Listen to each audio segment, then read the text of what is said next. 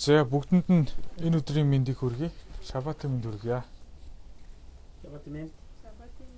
За энэ энэ барьж байгаа утас болохоор учиртай манай сүм подкаст эхлүүлж байгаа. Тэгээд подкастын маань эхний дугаар инх эхэлж байна.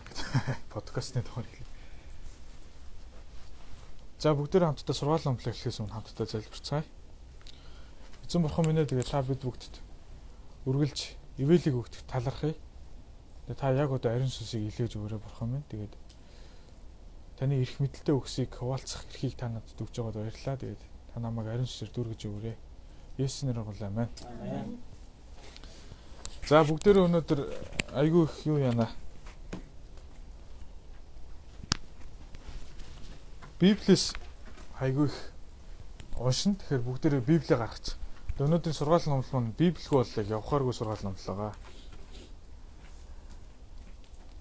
За бүгдээрээ шууд сургаал номлолтод орцгоё. Эхлэл 25 дугаар бүлгийг гаргацгаая.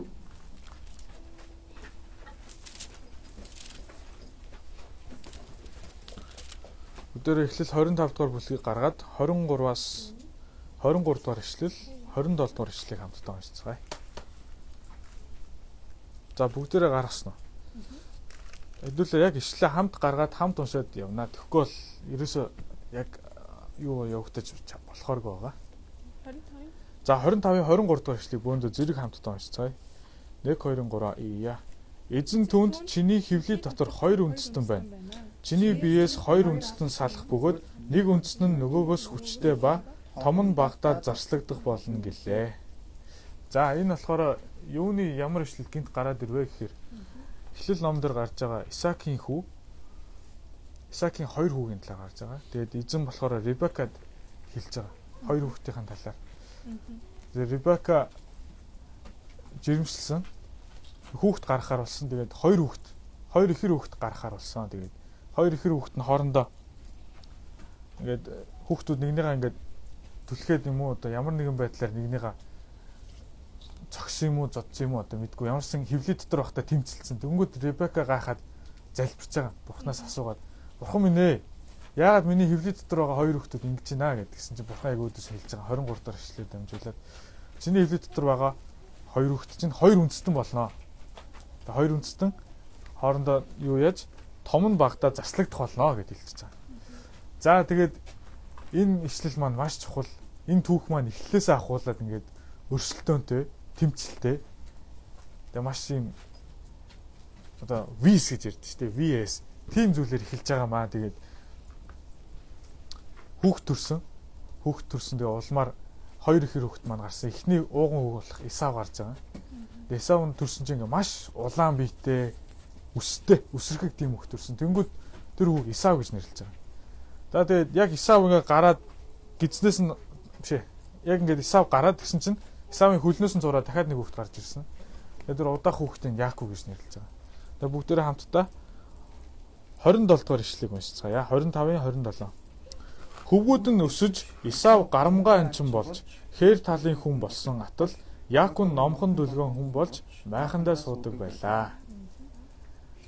За манай хамаатанд ихий удамтай нэг гэр бүл байдаг. Манай аавын дүү яг доотлын төрсөн дүү. Хоёр ихэр ихч. Тэгээ голдоо нэг ганц хүүхд гараад тэгээ дахиад хоёр ихэр дүүтэй. Ингээд нийтдээ 5 хүүхд. 3 төрөлтөөр 5 хүүхд гарсан байдаг. Тэгээд их өнөр үтгэн гэрүүл байгаа.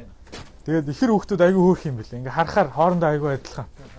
Тэгээд нэгнээсээ салтгүй, нэгэндээ амар хайртай. Хэдий ингээд хоорондоо тэрчлэж байгаа боловч гэсэн яг ингээд бусад хүүхдүүдтэй гарах тэмцэлтээр нэг нэгнийг амар хамгаалдаг. Нэгэндээ үнэж нэг ихрийн зодчих юм бол хоёулын нийлж байгаа нөгөөдөө зодчдаг. Иймэрхүү байдал бол ихэр хүүхдүүдээс айгүй харагддаг. Гэтэл Библийн түүхэн дээр гарч байгаа энэ хоёр ихэр хүүхэд маань маш эсрэгээр нэгнээсээ бүр эсрэг төрлийн зан чанартай нэгнийгээ хайрладаг гэхээсээ илүү нэгэндээ ингээд арайч ус сансан хэсэг нь мэдхгүй нь хүүхэд баг та. Тэгтээ их өрсөлддөг байсан. За тэгээ сая Библийн ишлэлээр яг хэлсэнчлэн Исав буюу одоо улаан гэсэн нэртэй Исав маань анчин хүн болсон байгаа. Тэгээд анчин хүн маань их ширүүн. Тэгээд хэдүүл яг ингээд бодоод үзэхээр анчин хүмүүс ямар амар юм төсвөртэй уул хадаар хийсэж явдаг. Ямар айхтар ширүүн нөхдүүд болох юм мэдэн штэ. Тэгэхээр би бол төсөөллийн дотор заа нэг баагаа шиг нөхөрлөө байсан юм шиг. Би нил өстэй те. А тэнгууд Яков болохоор айгүй эсэргээр гэлтээ сууж идэг. Ингээл гэрийн ингээд хамаг ажлыг хийдэг те. За айгүй хүүтэн болоод ирлээ шүү. Би бослоо айгүй хүүтэн болоод ирлээ. За тэгээд би ийшээ гараад зогсож идэв. Лайв руу ш та нар руу харж ирсэн надад илүү амар санагдаад. За тэгээд нөгөө нэг Яков маань гэрте байж идэг ээжтэй тусалдаг ээжийн хайртай хүү болж байгаа маа. Тэгээд яг Исав нь болохоор аавын хайртай хүү болж. Энд хэдүүлээ өргөжлүүлээд ишлэгийг уншия. 28 дугаар ишлэгийг. Исаак Исавын агнсан ангийн махан дуртай учраас Исавда хайртай. Харин Ребека нь Яковда хайртай байгаа. Яг л гэр гэрийнхээ ажил Яг хийдэг хийдэг юм даа байгаа. Тэгээд аав нь бол Исавда хайртай байсан. Ягаад гэвэл ууган хүн аавтай тусалдаг байсан юм шиг. За Яаков нь бол ээжтэй айгүй тусалдаг. Ингээд харахаар айгүй ачлалтай хөлтөд байгаа байхгүй юу? Ээж авдад тусалдаг. Гэтэл энэ дээр маань бас нэг асуудал гараад ирж байгаа. Ээж аав нь хүүхдүүдэд нэг нэгээр нь хайрлсны үндстэйгээр нэг нэгнийг нь илүү хайрладгаас болж ах トゥ нарын хоорондох тэмцэл тэгээ үүрэг хариуцлаганаас ахуулаад хүртэл тустай болж эхэлж байгаа. Тэгээд ингээд ихрүүд чинь хамтдаа байж нэгнийгээ дэмжих хэрэгтэй байтал ингээд салангад болоод ирж байгаа юм л да. Яг энээс ахуулаад Тэгээд хэдүүлээ өргөжлүүлээд 29 дугаар ишлэгийг уншийе. Яаков шүл буцалгаж байтал Исав хээрээс өлсөж ядран эргэж иржээ. Исав Яаков тандаж би өлсөж ядарсан учир чи улаан шүлнөөсөө надад идүүлнэ үү гэжээ. Иймээс Исавыг Идом гэж дуудах болжээ. За Идом гэдэг нь болохоор яг улаан гэсэн утга учиртай. Маш том үндэстэн байгаа. Тэгээд энэ улаан шүл гууснаас нь болоод Идом гэсэн нэрийг одоо өгж байгаа маа. За өргөжлүүлээд уншийе. Исав Яаков тандаж би өлсөж а биш 31 дугаар ишлэл. Яаков ууган хүү байх эрхээ өнөөдөр надад судалдаач гэсэнд Исав би өгөж байна. Ууган хүү байх эрх надад ямар ашигтай юм бэ гэжээ. Яаков өнөөдөр надад тангарал гэсэнд Исав түнд тангарлаж ууган хүүх байх эрхээ Яаков тодтолджээ. Яаков түнд эрс бурцтай шүл талхтай өгсөнд тэрээр идэж уугаад босож яв. Исав ууган хүү байх эрхээ ингэж үл томсорлоо. За одоо хоёр ихэр хүүхдийн яг зан чанарын талаар ярьцгаая. Исав маань их хайнг дуу яг л баавга шиг байсан юм шиг. Нэг юм тоодгүй тэгэл а ер нь тэгэл болондоо гэж боддог. Гэтэл Исавд бол маш олон үүрэг хариуцлага, маш олон эрх мэдэл залгамжлагдаж очих байсныг үл ошиж байгаа юм л та. Тэгээ хэдүүлээ энэ түүхийг бол маш сайн мэдж байгаа. Яаков бол эсэргээр их чимхлүүр зүртэлтэй сайн гарын урд дуутай хоол хийдэг, ээжтэй тусалдаг. Тэгээ бас эмхтэн хүний нарийн ухаан гэж ярьдаг. Исавд бол нарийн ухаан байсан юм шиг. Тэгээд ингээд Яковд бол байсан юм шиг. Тэгээд ингээд харахаар яа айгүй эсрэг төсөг хүмүүс. Нэг нь ингээд юм тэ боргилдоо тэ одоо юу гэдэг юм. Дөнгөд Яков нь болохоор яг эсрэгээр ингээд айгүй тийм тойхон зөөлөн юмны арга сүвийг олцдог тийм сэргэлэн. Тэгээд Яков нь худалдаад авчиж байгаа юм л да. Та нар яг ямар учиртай болохыг бүгд мэдж байгаа. Яков ахыгаа өлдсөн байгаа дээр нь эрхийн зүгээр нэг ганц муу шүлөөр солиод авчдаг. Исав өөрийнхөө эрх мэдлийг залгамжлах ивэлийг нэг муу шүлээр солиод авчиж байгаа. Тэгэхээр Исав бол ирээдүгөө боддгоо. Тухайн өдрийг аргацаадаг. Өнөөдөр маргаашаа яаж аргалахаа боддог тийм нөхөр байсан байна. За өргөжлүүлээд хэдүүлээ 27 дугаар бүлгийн аа 9 дугаар ишлэг 9 10 дугаар ишлэг уншицгаая. Эхлэл 27-гийн 9 10 дугаар ишлэл. Чи мал дээр очиод хоёр сайн ишиг надад авчирвал би түүгээр аав чинь дуртай сайхан хоолыг хийж өгье. Чи түүнийг аавдаа авчиж өгөөд идүүлэн өгөхийнх нь өмнө түүгээр ерөөлөг гэж. За энэ болохоор 26 дугаар бүлэгтэр яг юу гарч байгаа вэ гэхээр Исаакийн хөгшөрж байгаа талаар харж байгаа. Исаак хөгшөрсөн. Тэгээд нүдэнд юм харахаа болж эхэлсэн. Тэгээд ер нь удахгүй өхөд өх юм шиг байна гэж бодоод хүүхдүүдтэй ерөөлөө айлтгар болсон. Тэгээд хүүхдүүдтэй ерөөлөө айлтах босныг нь ээж нь сонсчоод Яаковт хэлж байгаа. Исав ах чинь ингээд ан хийхээр явлаа. Аавас чи ерөөл авах гээд ан хийхээр явсан. Энэ хооронд чи газ өөртөө өөрийнхөө малдаг хонноос мал гаргаад махаар нь шүл хийгээд тэгээд Исавын авах ерөөлийг хаваас авчаа гэж. За энэ дээр одоо дахиад Ребекагийн зан чанар илэрч байгаа юм л да. Ребека маань яаж ч утсан хоёр ихэр хүүхэдтэй бүр нэгэнд нь баг хайргүй байсан юм шиг үйлдэл гаргаж байгаа. Яаж ч үгүй их хүн бол бүх хүүхдүүдтэй хайртай байдаг. Их хүний хайрыг бурхан хүртэл Есүс хүртэл үнэлдэг шүү дээ. Гэтэл Ребекагийн гаргаж байгаа үйлдэл маань Яаков ямар өөрт нь үн цэнтэй болохыг Исав өөрт нь ямар ч үн цэнгүй болохыг харуулж байгаа. Тэгэхээр энэ гэр бүлийг ингээ харахаар айгүй тийм хоёр хуваагдсан. Хуваагдмал аа ад жаргал байгаагүй юм шиг надад айгүй санагдаад идэв. Тэгэд ер нь юм болохоор л ээж нь баг хүүгээ өмөрчдөг, аав нь том хүүгээ өмөрчдөг. Тэгэд энэнээс болоод айгүй олон тэмцэл гардаг байсан баг. Тэгэд эрх мэдлийн хувьд хүртэл ингээд яг ийм зүйл болж байгаа. Тэгээд Яаков ээжээсээ айгаад асуудаг л та. Гүй ээжээ аав навыг мэдчихэж штэ. Манайх угаасаа баригдахаар өстэй хүн дуун хүртэл тийм бүдүүн те. Би ингээд яваад ороод явуучвал намайг яг мэдчихнэ гэсэн чинь. Гүй чи ингээд хоньны ярьснаас ямааны ингээд юг өөртөө гар дээрээ наагаад орцгоо гэж тэгж байгаа байхгүй. Кашмирыг өөртөө наагаад орцгоо гэж. Тэгээ би бас бодсон. Нөгөө талаараа Исаак маань юм харахгүй болцсон байгаа гэсэндээ бас хоёр хүүхдээ ялгаж чаддгүй байсан юм. Тэгэхээр ямар хайхрамжгүй аав байсныг харуулж байгаа. Хичнээн ихэр хүүхдүүд байсан гэсэндээ ээж аав нар нь ихэр хүүхдүүдэд ялгаж чаддаг. Царай адилхан байсан ч гэсэндээ зан чанараар нь. Гэтэл аав нь тань чадахгүй гэдгийг Ребеканч мэддэг байсан. Тэгээ Ребека нь баг хүүхдээ оруулахаар болж байгаа. За хэдүүлээ өргөжлөлөөд ишлээ уншицгаая. За 21-р ишлэл дээр Исав Яаковт хандаж "Хүү минь наашаа ойртож ирээ. Үнэхээр чи миний ууган хүү Исав мөн үү? Биш үү гэдгийг би тэмтэрч үзье" гэжээ. Яаков эцэг Исаактай ойртон очиход Исаак түүнийг тэмтэрч дууч нь Яаковын дуутал гарч нь Исавын гар байна гэд түүний гар нь ах Исавыг шиг үсрэхэг байсан тул түүнийг ялгаж таньсангүй өрөөжээ. Тэгээд Исаак чи үнэхээр миний хүү Исав мөн үү гэсэнд Яаков тийм ээ гэжээ. Исаак надад агнсан ангийнхаа махыг авчир Би хүүгийнхаа ангинсан ангийн махнаас идэд зүрх сэтгэлээрээ чамайг ерөн ажиллая гэхэд Яаков түүнд авчирч тэр идэв. Тэгээд тэр бас түүнд дарс авчирч өгсөнд тэрээр уужээ. Тэгээд эцэг Исаак нь хүүмэн наашаа төхөж ирээд намайг үнсэхэд Яаков ойртон очиж түүнийг үнсэсэнд эцэг нь хувцсныг нь үнэртэд түүнийг ерөн ажиллажээ. Миний хүүгийн үнэр эзний ерөөсөн хээрийн үнэр байна гэд 27 дугаар ишлэл хүртэл хамтдаа ш. За тэгээд ээж нь хэлсэн Яаков үйлцнийхэн дагуу нүүлсэн. Тэгээд Исавийн хамгийн үнцэнтэй гэсэн гой хувцсыг нь өөрийнх нь Исавийн үнэр шин гэсэн хувцсыг Яаковд өмсүүлээд шүлийг бэлдүүлээд Кашмирыг нь гаранд нь агаад оруулсан. Тэгээ орсон аав нь таниагүй ерөөдгөрөө байгаа. За яг ингэ байжсэн 40-р ишлэл дээр одоо гарч байгаа юм л да. А биш. Яг ингээд үргэлжлэх юм бол 40-р ишлэл хүртэл Исав ингээд ангаасаа буцаж хүрээд ирж байгаа. Ангаасаа буцаж ирээд ирээд яг ингээд өөртөө ингээ аавда нөгөө нэг өөрийнхөө ангсан ангийн махаараа шүл хийгээд аавда орсон чинь хүүе чи чин хин бэ? Би чи айл хэдийн ивэлээ хүртээчихсэн гэсэн чинь. Исаа ууралж байгаа. Үгүй аа би ингээд байж тээ гэдгсэн чинь танаа дүүчин тэгвэл чамайг орж ирээ эхэлчихэгээ Исаа хэлж байгаа. Тэгсэн чинь Исаа өөлж эхэлж байгаа. Эхлээд уурсан дараа нь өөлж байгаа. Таны ерөөл чинь хайшин ганцхан байд юм уу? Ерөөлөө надад хилээд өгөлтөө гэд. Тэгээ энэ ерөөл гэдэг энэ одоо нэг ааваараа ерөөлг нь эцгээрээ ингээд ерөөлийг ивэлийг аавна гэдэг маань маш чухал зүйл болохыг одоо энэ Израилийн соёлоос бид нар харж болж байгаа юм л та. Энэ арт түмний. Бидний хувьд болохоор гал голомтыг бол отгон өдөө өгдөө шүү дээ. Манай монголчууд, солонгосчууд яад юм бол гал голомт өгдөг үү? Отгон өгдөг үү? А том өдөө өхөө. Тэгвэл манай монголчууд болохоор отгон өдөө өгч байгаа. Тэгвэл Израилийн арт түмэн болохоор бас том өдөө өгч байгаа юм л та.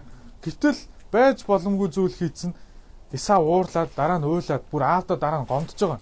Аавын хайртай штэ. Аав ирэх штэ. Аав нь өөрт нь өстэй зүйлсийг өгсөнгүү чинь Исаа гомдож байгаа байхгүй. Тэгээд бүр сүултээ ууралсан, үйлсэн, гомцсон гомдол нь харуулсал өшөнцөн болж эхэлж байгаа. Тэгээд Исаак баг дүүг нь алхаас айгаад өөрт нь ерөөл хилж өгдөг. Тэгээд хилж өгсөн ерөөл нь 40 дэх эшлэлээр гарч байгаа юм л та. За бүгдээрээ 20 27 дугаар бүлгийн 40 дугаар эшлэгийг хамтаа уншъя. Чи сэлмээрээ амьдарч дүүдээ зарагданаа. Хизээ чи уяанаасаа тайлэгдэн тэр цагт чи түүний буулгыг хүзүүн дээрээс авч хайна гэжээ. За яг ерөөлийн ингээ библиэрээс унших юм бол маш дэлгэрэнгүй ерөөл байгаа. Гэтэ ерөнхийдөө хилээд байгаа зүйл нь болохоор чи дүүгийнхаа зарцуулноо. Ер нь ойлгохтой ерөөл хэлээгүү. Ер нь ойлгохтой юм л. Чи ер нь зовж байна гэд ерөөл юм уу хараал нь мэддэхгүй нэг тийм зүйл хэлчихсэн. Тэгээ би энэ дээрээс амар гайхсан. Хичнээн өөрийнх нь хайртай үг байсан ч гэсэндээ нэгэнт хилцсэн бол үнэхээр хатуу дэг заяагтай, соёлтой ийм одоо ёс заншилтай арт хүн байсан байна. Энийг харж болж байгаа. За тэгээд Исав уурсан өш онцондоо дүүгээ алахаар завцсныг нь Ребека дахиад ажиллаж байгаа. Ребека маш ажигч маш юм ямар нөхцөл байдалд байгааг хардаг. Нүнчи амар нүнчи өндөр хүн байсан юм шиг байна. Ребека.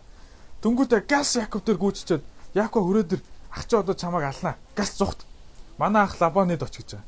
За Лабан ямар түүхтэй, ямар хүн болохыг тайлбарлал айгу удах. Гэтэ Лабан бол айгу шуналтай хүн байдаг та бүхэн мэдж байгаа. За тэгээд Лабанид очоо. Тэгээд Лабанид очоод тэнцэнээсээ ер нь ихнэр аваа. Тэгээд ихнэртэйгээ тэнцэнэ амьдэр Исаваас ер нь байнга зогт. Исав бол чамайг одоо яа гарахгүй аална гэдэг ч. За тэгээд Исавч яг бас Исав яг ингээд Ребекаг Яаковд ингэж хэлж байгааг бас сонсчдаг. Тэгээд айгүй өрөвдөлтөй Исаак Яаковыг дуудаж байгаа юм л да явахаас өмнө. Тэгээ 28 дугаар бүлгийн 1 2 дугаар эшлэлээр Исаак Яаковыг дуудаад түүнийг юрөөн захиж хэлсэн нь чи Канаанчуудын огтоос ихнэр бүү аваа. Чи Падан Арам руу очиж эхийнхээ эцэг Битвалийн гэрт очиж тэнд нагац Лабаныхаа огтоос ихнэр аваа гэж хэлсэн ба. За та нар дааш чинь үү? Гадаа гадаа айгүй бороо ороод айгүй хүүтэн болоод байна. За би тэгвэл номлоо гяс яв энэ уул айгүй урт номлол байсан юм. За тэгээд аа Исаак дахиад Яаковыг өрөөччих. Очоод ингээд эхнэр авааг бүр заавар заавчлаагүй явуулж байгааг Исав хараад тэгээд Исав ааваасаа бас хайрыг хүртэх гээд ааваасаа нөгөө нэг авч чадаагүй зүйлсийнхаа баг ч гэсэн дахиад авахыг хараад яагаад энэ нутгаас яагаад энэ хайр үндэсний нутгаас ихнэр авч болохгүй ойлгоод тэгээд бас Ишмаилийн хүүхдээ гэрлэхэр болж байгаа юм л да. Тэгээд тэрвээ хідүүлээ 28 дугаар бүлгийн 8 9 дугаар ишлэгийг хамтдаа унших юм бол биш ээ 26 дугаар бүлгийн 34 35 дугаар ишлэгийг хамтдаа уншицгаая. Тэрэн дээр болохоор ингэж байгаа 26 дугаар бүлгийн 34 35. Исав 40 настайдаа хийд хүн Берийн охин Эдиот, хийд хүн Илоны охин Басимат хоёрыг эхнэр болгон авчээ. Тэгээд Исаак Ребека хоёрын сэтгэл нь их зовдөг болжээ гэж байна. Энэ нь яг юу хэлж байгаа юм бэхээр энэ явдал болохоос өмнө Исав айл хэдийн ихнэр авч байсан хоёр ихнэр. Авсан хоёр ихнэр нь хайр үндэсний хүмүүс байсан. Тэгээ хайр үндэсний хүмүүс авч болохгүй гэдгийг Исав мэдсээр өж авсан. Тэгээд энэ нь болохоор ээж аавын сэтгэлийн зовоодог асуудал байсан байгаа. Тэгээд Яаков болохоор Лабанад очиж одоо өөрийн нутгийн хүмүүсээс ихнэр аав гэж хэлснийг нь Исав сонсчод ааваасаа хайр хүртэхэд бол шаранда Исмаилийн хүүхэд буюу Авраамийн татвар ийм хагаарын хүүхэд болох Исмаилийн охиноос буюу дахиад өөрийнхөө хамаатнаас ихнэр авчиж байгаа. Тэгээд энэ үйлдэл маань бас юу харуулж байна гэхээр нөгөө авч чадаагүй эцэг эхийн хайрыг нөгөө авч чадаагүй ерөөлөг авахын тулд хичнээн том болцсон дүч гарцсан байсан хүн ч гэсэндээ хайрыг авахын тулд шарандаа тийм үйлдэл хийж байгаа байхгүй. Тэгээ энийг ингээ харахаар хайр дутагдсан хүнд бас хамааралгүй байна. Эцэг эхийн хайр халамжийг авч чадаагүй хүн тэр чигтэл ингээд энэ зовлон мэдэрдэм байх гэдэг зүйлийг бид нэр Исавыг хараад бас Исавыг өрөвдөх сэтгэл бид нэр төрж байгаа. За хэдүүлээ өргөжлөл за айгүй хүтэн болсон шүү. Өргөжлөлөд аа 28 дугаар бүлгийн 8 9 дугаар ишлэг хамтдаа уншицгаая. За энэ дээр болохоор нөгөө нэг Исавын эхнэр авж байгаа талаар гарч байна. Бас Исав Кананы охид өөрийн эцэг Исаакт таалагдахгүй байгааг ажиглжээ. Тэгээд Исав Исмаил руу явж өөрийн эхнэрүүдээс гадна Авраамийн хүү Исмаилийн охин буюу Небиотын охин дүү Махалатыг эхнэр болгон аваа. За ингээд эхнэрээ болгож авч байгаа. Яа гурван эхнэртэй болж байгаа тийм. За энэ хооронд нь манай Яаков чинь ээжтэйгээ хуваалцаад аль хэдийн зогтох зогт юугаа хийгээ явчихж байгаа шүү дээ тийм. За тэгээд зогтдаг. Зогтож явах замдаа та нар мэднэ. Алдартай зүүдийг зүүдэлдэг. Тэнгэрээ шат буудаг. За тэгээд одоо хэдүүлээ Яаковын өнцгөөс нэг нэг зүйлийг айгүй ажиглах хэрэгтэй. Яаков маань буруу зүйл хийснээ мэдээд хийсэн буруу зүйлээс болоод ахаасаа зогтох хэрэгтэй байсан. Ах нь алах гад дайрч байгаа. Тэгээ энэ болохоор миний өнгөрсөн сургаал номлол дээр гарч байгаа Каин Абелийг алдаг яг тэр зүр зураг дахиад харагдаж байгаа юм л да. Алагтхаа мэдснээсээ болоод айгаа зогтож байгаа айгаа зугцнаасаа болоод насан туршдаа ээж аавтайгаа уулзах боломжгүй болж байгаа. Зугцнаасаа болоод ээж аавынхаа хайр халамжинд ээжийн ирэх хүүхэд байсан хүү маань гэрээсээ гав ганцархна айсан айц хүйц дундаа явж байгаа. Тэгснээс нөх амир эрх мэдлийг авчаад ганцаараа амьдрна гэдээ явж байгаа юм биш. Бүр хүчээр явж байгаа. Тэгэд ингэж яваад хээр талд ганцаараа зовд зүдрээд өөрийнхөө хийсэн гим нүгэл худал хурамгаас болоод гим нүглийг үзэн язах үзэлтэндээ ингээд автцсан байгаа тэр үед бурхан өөрт нь үзэгдэл үзүүлээд би чамтай хамт байгаа. Энэ газрыг чи битэл гэж нэрл энэ газарт би чамайг ингээд үр хөвгтүүдээс чинь үнэр өтгөн болгоно. Авраамийн Авраам төгсөн амлалтаа, Исаак төгсөн амлалтыг чи ингээ хүлээж авч байна. Яаков чи бол үнэр өтгөн хүн болно гэж амлалт хэлж байгаа. Яг тэр үед Яаков хэсэгэн ч гэсэндээ жоохон ч гэсэн тайвширлыг авч байгаа. А за тэгээд түүх үргэлжлдэг. За би айгу товчөө. Яг Лабанид очдог. 7 жил зарслагдаж Рахелийг өөрийнхөө эхнэр болохын тулд 7 жил зарцлагдаг гэсэн чинь Лабан хуурчдаг. Яг эхнэр болгоод өгчдөг. За тэгэл яг эхнэр болгож авчаад өөрт нь сэтгэл нь ханаагүй болохоор Рахелийг авахын тулд дахиад 7 жил зарцлагддаг.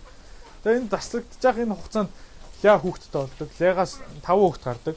Аа тэгэл Лягийн татвар юмээс 2 хүүхэд гаргадаг.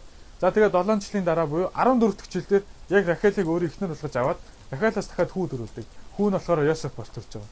Тэгээд Рахелийн эхнэр Ля хоёрын тэмцэлгээд бас дахиад нэг тусдаа сургаал номлол гарахаар айгүй том сэдвүүд байгаа. Тэгээд би айгүй тогч. Рахел аа Ля хоёрын татвар 2 юмс байгаа.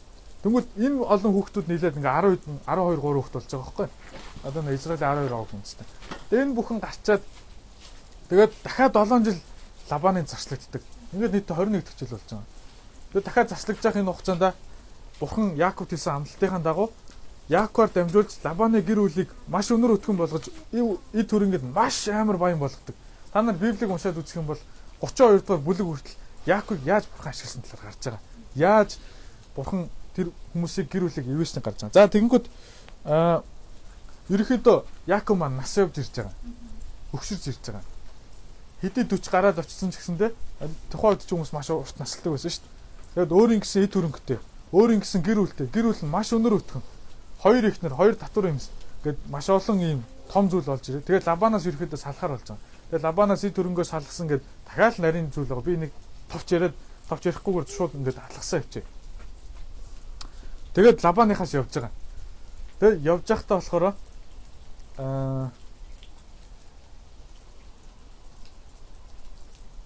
За тэгээд лабаныхаас арай гэж яваад хуучин өөрийнхөө төрлөх нот руугаа буцаж байгаа юм л бурхнаас үзэгдэл аваад бурхан яв гэж хэлээ. Тэгээ явж исэн чинь Исав ингээ нөгөө нэг яг өөрийнхөө нутг дээр ээж аваахан байсан нутг дээр хурж ирэхийнхаа яг наатлынх нь хотдынх нь үүдэн төржээр ингээд буудлаад байжсэн чинь Исав уулынх нь цаахан тал 400 тийм одоо баг өөрөөр хэлбэл баг цэргийн цааш тийм зэвсэг агссан тийм хүмүүстэй байгааг хараад Якугийн дайцдаг.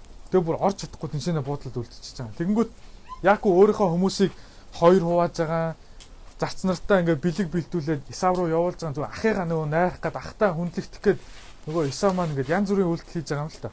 За хамгийн чухал зүйл нь болохоор 32 дугаар бүлгийн 3 4 6 7 дугаар ишлэг хамтдаа уншия. Яаков Шерийн нутаг Эдомын талд байгаа ах Исав руугаа өөрөөсөө төрүүлж нарыг илгээгээд тэдэнд тушааж миний эзэн Исавд ингэж хэлээ. 6 дугаар ишлэлдэр. Эц нарт нь Яаков буцаж ирээд би таны ах Исавд хурж очлоо. Тэрээр тантай уулзахаар 400 хүнийг дагуулan ирж байна гэжээ. Яаков ихэд сэтгэлийн дарамтанд орвоо. За нөгөө өөрийг нь ална гэсэн хүн маань насан туршдаа зүхтаж өөр газар заслагдаж маш хэцүү амьдралыг амьдран гэтээ бурхны ивэлэр сайхан байжгаад арай гэж өөрх нь нутагт 50 ээж аваагаа бараалах гээд очих гэсэн чинь ах нь 400 дагуулад хурж ирж байгаа байхгүй. Дөнгөт нь манай хүн өөрсдийнхөө бүлгийг хоёр хуваагаад ингээд хэрвээ нэг бүлгэрүүнд авах юм бол нөгөө бүлэг маань цухтаараа эсвэл энэ бүлгэрүүнд заах юм бол нөгөө маань цухтаараа гэдэг. Тэгээ өөрийнхөө эхнэр хүүхдүүдийг бүгдийг бөөгнүүлж хагаад өөр газар руу явуулаад тэгээд тэр шөндөө ганцаархнаа үлдчихэж байгаа. Бүр шөндөө бүр унт чадахгүй сэрүүн өнгө унт чадахгүй болгоод эхнэр хүүхдүүдээ сэрэж хагаад та нар яваа. Та нар явжий. Нуурын нөгөө талд гарцгаа. Би энэ чи ганцаараа үлдлээ. Тэгээд ер нь бол шийтгэлийг авах хүн нь бол би та нар биш. Тэгээ өгөхөр бол би өгье гэдэг. Тэгээ ганцаараа үлдэж байгаа. Тэгэд яг энэ ганцаараа үлдэж байгаа энэ залбирал нь Есүс Христийн Гецаман цэцэрлэгт хийжсэн залбиралтай яг адилхан байгаа даа байхгүй. За тэгээд бас өөр Библийн баатар Давидын талаар би бол ярих хэрэгтэй. Гэхдээ таныг таардаг бол алгасаа Давидын дүүгийг мэдж байгаа. Саулаас зугатаад агуу дотор залбирдаг. Дуулал ном тэр үед бичигддэг тийм үү. Маш олон бурхан минь та хаана байна? Та хаана байсан бэ? Намайг зовж явах үед гэж одоо нөгөө нэг өөрийнхөө зовлон зүдгүүрийг харуулслыг илэрхийлж байгаа тэр ишлүүд бас гарч байгаа байхгүй.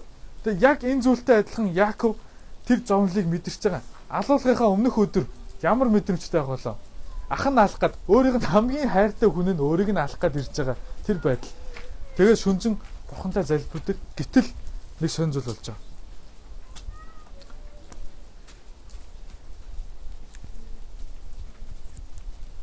Аа 20 32 дугаар бүлгийн 24 дугаар ишлэлдэр Яаков ганцаараа үлдсэн бөгөөд нэгэн хүн Яаковтай өөр цайтал барилдав. Тэрээр Яаковыг дийлж чадахгүйгээ үзээд гойрон зогсонд Яаковын түнхэн тэр хүнтэй барилдаж байхдаа мултарчээ. Тэр хүн өөр цайж байгааг учир намайг явуул гэсэнд Яаков таныг намайг ерөөхөөс нааш би таныг явуулахгүй гэжээ. Тэгээд тэр хүн чиний нэр хинбэ гэж асуусанд тэрээр Яаков гэж хэлжээ. Тэр хүн үүнээс хойш чамайг Яаков гэхгүй харин Израиль гэж нэрлэх болно. Учир нь чи бурхантай бас хүмүүстэй тэмцэлцэж ялсан билээ гэж байгаа. Тэр шүн Яаков бурхантай барилцсан. Тэр шүн бурхантай Яаков ноцолдож барилцсны хүчинд амар тайвны тайвширлыг олж авдаг. Есүс хүртэл Гецамын цэцэрлэгт тэгж олж исэн. Давид хүртэл тэр агууд ганцаархнаа бүх зүйлээс зүгтцсэн жоох хүүхэд байж захта Бурханаас залбирлыг аваад Бурханаас тайвширлыг олж авдаг. Бид бүхний амьдралд ч гэсэндээ ингэж хүмүүсийг хуураад хийсэн гим нүглээсээ болоод гим нүглийг үзен ядаад гим нүглийнхаа үр өгөөшийг авдсан тэр хэцүү байгаа үед Бурхан биднэрт тусалж болдго юмаа гэдгийг бид нар яг энэ хэсгээс харж болж байгаа. Тэгээд түүх маш гоёор төгсдөг. Хэдүүлээ сүүлийн ишлэгийг хамтдаа уншъя. 33 дугаар бүлгийн 4 дугаар ишлэлдэр Исав гүүж ирээд түүнийг тэрвэн хүзүүдэж өмсөд хоёулаа уйлалдва. Хэдэн настайдаа явсныг сайн мэдэхгүй ямар ч гэсэн 40 алидын гарцсан байсан. Хоёр том залуу хоорондоо нэгнийгээ алхаас болоо салж байгаа. Яаков тэр оронд гэр бүлтэйгээ өчнөө олон жил уулзалтаагүй арай гэж гэр бүлийнхэнтэй уулзах гэсэн ахыхын өшөө орсол байгааг мэддэг. Тэгээд алан алан гэж дайржсэн хүмүүс нэг нэгнийгээ харчаад холоос гүйж ирээд уулзалтаад тэрвэлдээд уйлж байгаа энэ мөч энэ цаг үе бол хамгийн сайхан үе. Тэгээ хэдүүлээ эргээд санах юм бол 26 дугаар бүлгийн 32 дугаар ишлэлээр гарч байгаа Исаак Исавыг нөгөө нэг юрөөж байгаа шүү дээ. Чи хүзүүн дээрх буулга буулгасан тэр үед л чи тайвшрлыг олж авна гэж хэлж байгаа. Тэр ерөөл нь үүгээр биелэгдэж байгаа. Исав Яаковтай уулзаад Яаковыг шууд уучлдаг. Яаковыг бид нар ч гэсэндээ гим нүгэл үлдэж бурхнаасаа урвсан энэ байдал маань биднийг бурхандаа эргэж нийлүүлдэг ийм сайхан үе бид нар тохиолддог. Энийг бид нар Иесус Христийн загалмай дээр цовдлогдсон авралаас авч болно гэдгийг бид нар харж болж байгаа. За тэгээд дүгнэлт рүү ороод дуусгая. Айгу яарчлаа. За эргээ түүхээ санах юм бол Исаак Ребека хүүхдүүдтэй хайрлах хайр нь дутуу байсан. Инээс болж гэр бүл салсан. Исав хайн хайхрамжгүй байдал тэгээ Яаковын шуналтай тэр сэргэлэн байдал маань нөгөө нэг л өрнөлийг дахиад явуул. Ээжийг нь ямар амиа ичсэн байдлыг харуулж байгаа. Өөрийнхөө хайртай хүмүүсийг хайрладаг. Хайргүй хүмүүс нь хамаагүй. Бурхан биднэрт агуу тушаалыг өгсөн. Хайртай бүх хүмүүсийг хайрлцъя гэж хэлсэн. Бид нар энийг энэ түүхээс сурч болж байгаа. Хайргүй бүх хүмүүсээ бурхан хүсээ өөрөө адил хайрсан гэсэн байдаг. Тэгээ ээж аавдаа хайрлагтыг хүссэн хүүхдийн үйлдэл Исамын үйлдэлийг бүгдээрээ мэдж байгаа. Исамын Исаакийн Яаковын үйлдэлийг хүртэл бид нар мэдж байгаа. За тэгэнгүүтээ гэр бүл салалт аз жаргалгүй байдал. Гэр бүл салалт гэдэг маань зөвхөн эхнэр нөхөр хоорондоо салахыг хилдэггүй байна. Гэр бүл салалт гэдэг маань гэр бүлийн гишүүд хоорондоо муудаад нэгнийгээ үцгээ болсон байдлыг хэлдэг юм. Энэ гэр бүлийн аз жаргал сая л нийгэм нийллээ. Өчнөө олон жилийн дараа. За тэгээд Яаковын хамгийн чухал гаргасан үйлдэл буюу хамгийн хэцүү цаг үедээ бурханд хандаж хандсан тэр байдал. Тэгээд имэйлтийн бурхантай барилцсан тэр барилталгаа залбирал.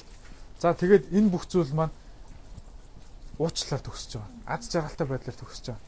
За тэгээд миний дараагийн сургаал номлол яг энэтэй холбогдох нь үгүй сайн мэдэхгүй. Ямар ч зүйл энэ түүх бол үргэлжлэн маш гоёор үргэлжилж байгаа. Хэрэв та бүхэн сонирхож байгаа бол ихэл номыг уншиж боллоо. Тэгээд бүгдээрээ хамтдаа залбираад сургаал номлоо дуусгацгаая. Эзэн бурхан минь ээ. Тэгээ та бид бүгдтэй хамт байж бид бүгднийг үргэлж ивэдэгт баярлалаа. Тэгээд Библиэлд гарсан Библийн түүхээр дамжуулан та бид бүгдэд маш олон зүйлийг ойлгуулж өгдөг. Таны ойлгуулж өгсөн ойлголтоор дамжуулан бид бүхэн ивэлийг авдаг. Бид бүхнийг нэгнийгээ хайрлах ёстойг ойлгодог бурхан минь.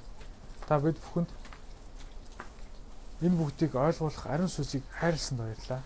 Бурхан минь лайв үзэж сууж байгаа мөн энд байгаа